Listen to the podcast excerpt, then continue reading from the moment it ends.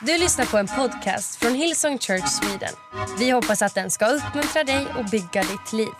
För att få mer information om Hillsong och allt som händer i kyrkan, gå in på hillsong.se. Um, can we stand together? I just want to pray as um, we receive the word uh, just in the few moments that I have. Uh, but I don't know about you, I, I am already inspired and already like, man, we, we know, God, you've called us to be on mission. We see it in these stories, and may we also carry that, which I know so many do, but may we carry it more uh, passionately. Let's pray. Father, we just thank you, uh, Lord, for all you're doing across our church. We thank you for uh, these, these stories that have uh, stirred our hearts. And Lord, I pray on Mission Sunday that this Sunday you would remind us again of this, this mission, this purpose, this deep call that you have for us. And that, Lord, we would recognize that uh, we need each other in this. We need you. And when we serve you together with unified hearts, something powerful takes place. And so, Lord, as you speak to us, we say, Our hearts are open. Speak to us through your word. In Jesus' name, amen. Amen. You may be seated. Uh, well, uh, again, those stories just highlight what we're all about. And, and we could have gone all over the earth and gone to so many of our different churches and picked out different stories, but they were some that we felt were significant and, and highlighted the different elements of our mission that we're all about. We, we saw Lameza's story in South Africa and how her life was transformed uh, through the prison ministry of the team there, and then how she is committed to becoming a purpose filled Jesus follower.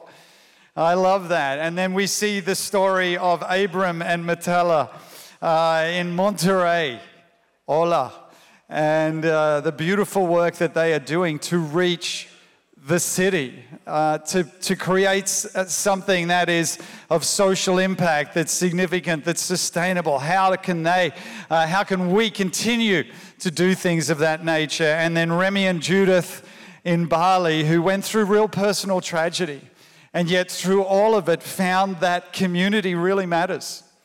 And are now part of a healthy church community in Bali, and now desiring out of what they went through to say, how can we serve others? Also, I just wanted to give you a little uh, an update on little Gabriel. You may remember from Portugal uh, last year the story of Gabriel, his parents, beautiful, faithful people in our church in Portugal. Uh, I think we have an image of them uh, on the screen. Uh, we, we talked about them last year on Mission Sunday. Uh, well, Lucinda and I had the privilege of meeting little Gabriel. Uh, and his parents, Augusta and Sanera, last year. I'm going to get through this, guys. It's going to be good. Uh, and we have some pics. Look, I got a little kiss uh, from Gabriel. Uh, and here's the good news. Because of the, the, you know, the, it took them so long to have a child, and then the, he has this, this brain condition, and the doctors said, oh, you know, it could be four or five years before he walks. Well, he started walking at two. Uh, and we were over there last year in Portugal, and he's progressing. Uh, his parents are in church. They were there, and we literally just bumped into them in the car park as we're arriving, and so were they. And we're like, oh, it's little Gabriel. And so, just an update that, you know, God is still at work. Whether there's a video camera or not, God is at work in our church all over the earth, and we praise God for that. Um, and so, uh, on, to, where we're at today.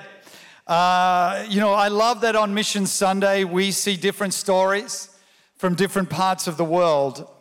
Uh, and, and, and it's inspiring and it stirs us. And I suppose the question I've been asking as we you know, really consider what's the way forward uh, for our church is, is why do we do a Sunday like this? You know, why hold Mission Sunday? What's its purpose?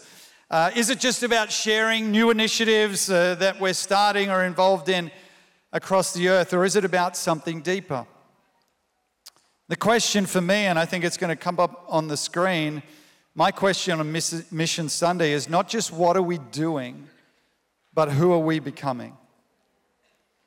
Who are we becoming?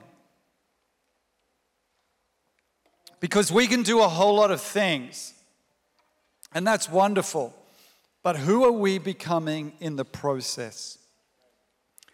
Now, we know vision matters, and we've talked about a really simple vision statement a healthy church changing lives through Christ. That's our vision for our church wherever we meet at any of our locations. We know that mission matters. We've shared beautiful stories, and we recognize that we're in this together on this mission. But who we are and who we're becoming really matters.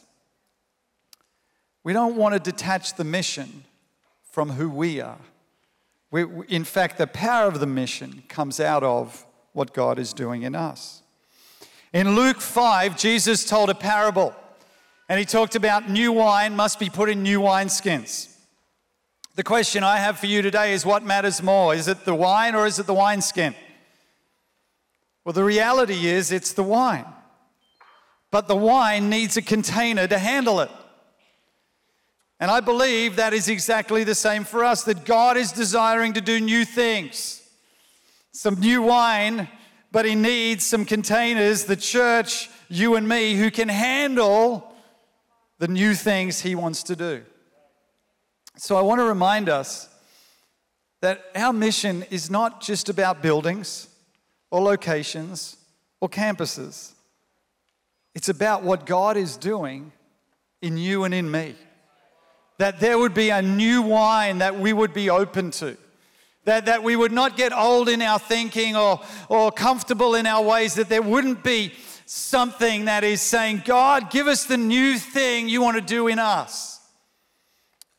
See, there is no limit to what God can do across the earth. In fact, in Matthew 19, 26, Jesus speaking uh, says, to them, he, he looked at them and said, With man, this is impossible. But with God, all things are possible. See, the only thing that is limiting God moving more powerfully and significantly is actually you and me. Our faith, our passion to know Him, our commitment to a unified purpose together. See, I could, and I've been thinking about this so much. I, I could stand here and say, hey, these are the things we're going to do, uh, uh, this or that. And, and you know it would be wonderful for me to announce things uh, and, and, and all the rest of it as God leads us, and we will in time. But I honestly felt this year to say what I'm believing for and what I want to announce is let's believe for a fresh move of the Spirit of God across our church, across the earth, more than we have ever known. You could call it a new awakening. That's what I'm believing. That's what I feel God has stirred in my heart. Uh, that we are in this divine partnership that we saw in these stories. And I, and I love that. I love that Lemez talks about how she had an encounter with the Holy Spirit in prison and it just changed everything across all our locations in cities and around the world. I'm believing that God is going to awaken something fresh in our spirit, young or old, whether we've on, been on this journey for a long time or whether we're new to this, that there would be something fresh that God awakens in us. And I want to read to you a passage from the book of Revelation that's challenged me recently. And I believe it's for our church. It's an encouragement but also has a challenge. a little bit of a sting in the tail, so just be ready for it. It's speaking to the church in Ephesus in Revelation 2, verse 3. It says, You have persevered and endured hardships for my name and have not grown weary. And I believe that is the story for many of us across our church. Hey, you've persevered, you've held on. There's been some hardships, but you've not grown weary. And verse 4 is a challenge. Yet I hold this against you. You've forgotten, you've forsaken the love you had at first. And that could be true on occasion for us. We, we've been through some hard things and we've endured, and well done. But here's the thing I don't want to go through some challenges and get jaded. I don't want to go through some battles and, and lose sight of what this is all about. I, I don't want to stand up and say, hey, yeah, we made it through, but I've lost some of, of what this was all about when I first met Jesus. I don't want to get jaded in my faith, in my relationship with Jesus, in the wonder of his presence, or even in my understanding and awe of his church. I don't want to lose sight of a simple love for Jesus that was the beginning of my faith journey, and I'm sure was the beginning of yours. I've written my notes. In fact, I'm hungry for more of God, more of His presence, more of His grace, more of His love. I want to know more of Him. You see, new wine needs new wineskins, and new buildings don't necessarily do that. Now, I'm not believing, I'm, I'm, I'm not saying we won't have, I'm believing there will be amazing miracles when it comes to facilities, and we need them. But let's not get so focused on a building or a program that we lose sight of pursuing more of Jesus. That's what a divine partnership is all about. You and God, you and others. Simply one word that God dropped into my spirit that finished on that screen is the word together. Together is about all of us. It doesn't matter what your story is, it doesn't matter how you came to be here. You saw beautiful stories of people from all across the earth, vastly different, and yet together saying, God, have your way in our lives, use us. May your presence flow in our city. And in Acts 2, verse 1, we read about the power of God's presence coming on the day of Pentecost. And verse 1 of Acts 2, it says, When the day of Pentecost came, they were all together. They were together. There was something about this unified heart and spirit together in one place. And suddenly, a sound like the blowing of a violent wind came from heaven and filled the whole house where they were sitting. They saw what seemed to be tongues of fire that separated and came to rest on, uh, came to rest on each of them. And all of them were filled with the Holy Spirit and began to speak in other tongues as the Spirit enabled them. God was moving as they were in this together. It was the beginning of a new spiritual awakening. The Holy Spirit of God was unleashed on the earth in a new and fresh way as the people were together, united in divine partnership. And that's what I'm believing God for. That's what I want to declare today across our church, around the globe on Mission Sunday. Like, guys, let's just believe for a new move of God. Our cities need it. Man, people, individuals need it. We know. We know that's what we need. And so, guys, I'm just believing that that is what we're going to go after. I don't know how it's going to happen. I can't force something like that. I can just declare that that's what I'm believing God for across our church, that our hearts would be open to that. Something fresh from God that creates a divine partnership to enable us to achieve all that God has planned and purposed for us. And you know, when we look back on history, it tells us that every generation sees some kind of spiritual awakening across the earth. It looks different, but the results are pretty similar. People get focused on mission. In fact, in the Azusa Street revival in Los Angeles, in California, happened in 1906 to 1909. It's just down the road from our campus in, in LA. This was the result. Men and women shared leadership responsibilities. The barrier between clergy and laity vanished since participants believed that the endowment with the Spirit power for ministry was intended to be received by all. What is that saying? It's saying when the Spirit fell, it didn't matter who you were, you realized you're on mission and you went after it, men and women. It didn't matter who they were, whether they felt trained or not. They were like, hey, God's stirring me towards something. It's not just about an experience of His presence, it's about a response that stirs me to do something. The last thing I want to do today is just roll out programs and initiatives. I want to stir your heart to draw closer to Jesus. to seek to know Him more, to pray more, to desire more of His presence. Because that will empower us for the mission He's called us to. I know some of you are watching what was happening on the screens and going, I, I could do that. I need to do more of that. And I pray you will. And it won't just be because of a program, it'll be because God stirs your heart. And you're like, okay, let's get about this. See, when a divine partnership truly flows, it feels effortless. It's not about, it's not striving. It's like a beautiful orchestra, and we saw an image of that Uh, in the presentation an orchestra that has many musicians, many different instruments, but united in harmony, producing a sound so powerful it stirs the hearts of anyone who hears it. In Ephesians 4:16, it says this: He makes the whole body fit together perfectly. That's what God does. We're all different. But when we're united in the presence of Jesus, power of the Holy Spirit unites us, fits us together. As each part does its own special work, it helps the other parts grow so that the whole body is healthy and growing and full of love. That's what a divine partnership does.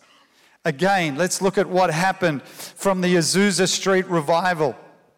It says they witnessed a breakdown of barriers which normally divided people from one another race, gender, wealth, language, education, church affiliation, and culture. There was a breakdown in all these things. They were united in a way that broke through the cultural, racial, and societal barriers. That's what the presence of God does. The presence of God is no respecter of people. Let me tell you that. Doesn't matter who you are, where you sit in society, the presence of God is there for you. And I'm believing we're going to see more of His presence in our services, in our lives, in, as we step out on mission, as you go about your work, whatever your job may be in your family, that there'll be more of God's presence amongst us. Like the early church, together in one accord, united in faith and spirit, God moved powerfully. Here's three things our mission requires from each of us. Number one, our mission requires deep inner conviction. It's not just a story I hear, it's something that I embrace. Our, our mission requires a unified community linked together our mission is fueled by the Holy Spirit of God. It's not a man idea. This is something we believe is from the Spirit of God. And as Jesus articulated in the words at the beginning of the book of Acts, Acts 1, verse 8, but you will receive power when the Holy Spirit comes upon you. And you'll be my witnesses, telling people about me everywhere in Jerusalem, throughout Judea, in Samaria, and to the ends of the earth. And I believe that's what happens when the Spirit of God comes afresh on His people. That's who we are called to be. I love that my wife shared at the offering about how the Oxford Dictionary has in its definition of mission the Christian faith. These are people who are on mission. They aren't just people who turn up for church, they're people who are on a mission. That's us because we've been filled with His presence and it urges and stirs our hearts toward that. A mission people, I wrote in my notes coming up on the screen, a people with deep conviction, united in community and fueled by the power of the Holy Spirit. And so, as your pastor, who really only gets to speak to all our churches and locations and communities once a year, I just want to say again, thank you. Thank you for showing up and continuing to care, for being committed to your own personal spiritual health and growth. You see, your love for Jesus is contagious. Your passion to serve others is inspiring. And what Lucinda and I love is we've had the privilege of traveling to a number of our churches across the world, is just seeing people who are focused on Jesus and making a difference with regard to the mission in their communities. Real people living real lives, raising families, going about their jobs, you know, facing the challenges we all face and yet committed and saying, hey, we're part of something here that is so significant. It is eternal and it is powerful. So let's not just show up for church, let's truly be the church. And that's what Mission Sunday is all about. Let's be the church together, seeking after a new awakening. See, together is what it's all about. I'm believing we're going to pray together. I believe we're going to celebrate more together. I believe we're going to eat together. We just had Pancake Sunday here in Australia. We're going to worship more together. We're going to give together because we believe in that. We're going to serve together. We're going to partner together on this mission, each playing their part. We're going to laugh together at times. We're going to weep together at times. We're going to mourn because sometimes we need to. And ultimately, we're going to fulfill the mission God has called us together.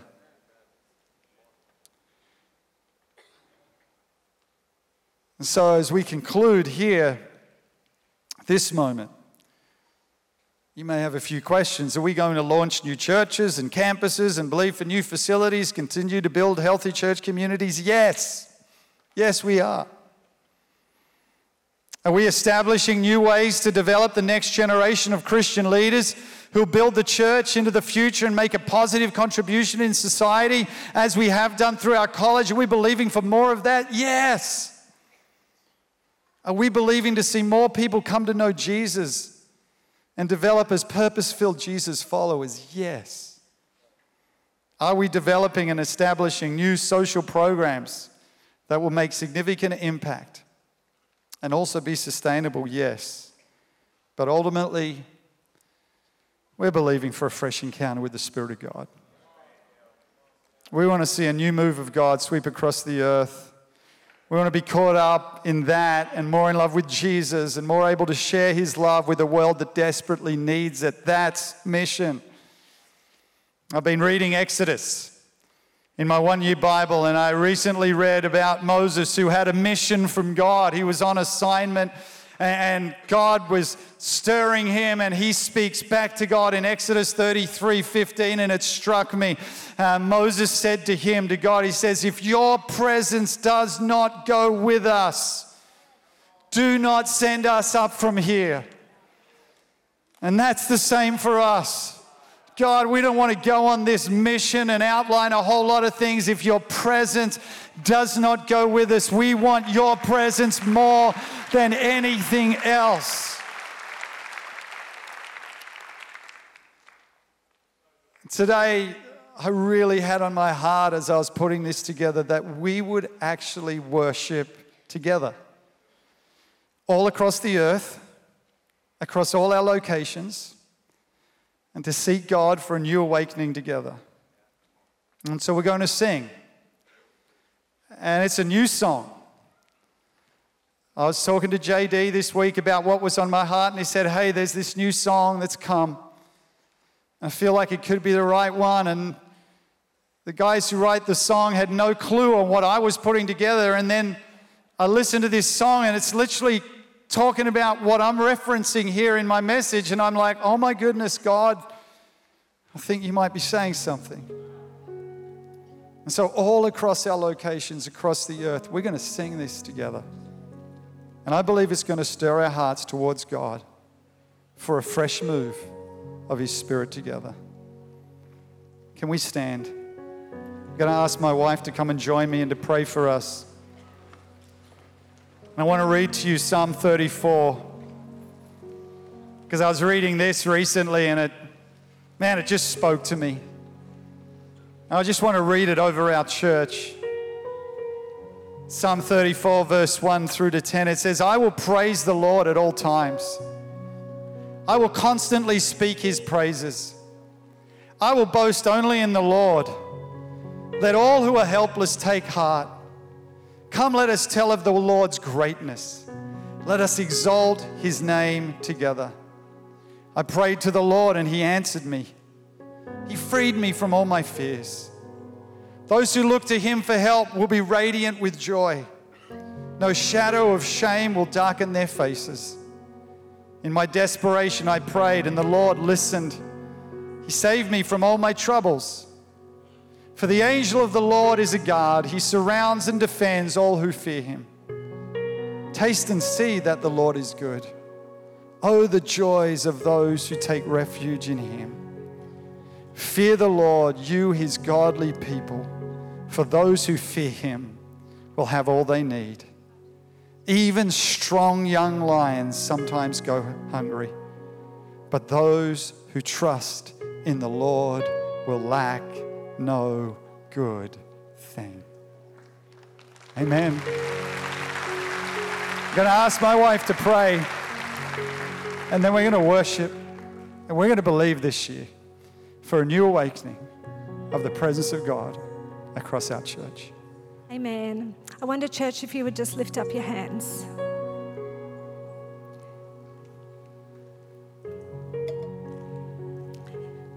And Father, I thank you already for the amazing sense of your Holy Spirit. And Father, we commit our church to you this year. Commit every person right across this earth to you. And we thank you that we get the greatest mission in the whole planet is to draw close to you and to seek you. And Father, we commit to that together, Father. We commit to being intimately connected to you this year. We commit to the secret place this year. We commit to going after you with all of our hearts this year.